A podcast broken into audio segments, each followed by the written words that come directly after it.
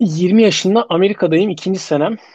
Ee, daha böyle kendi yani bireysel insan olarak karakterimi, oyuncu olarak, basketbolcu olarak karakterimi bilmeyen bir noktadayım.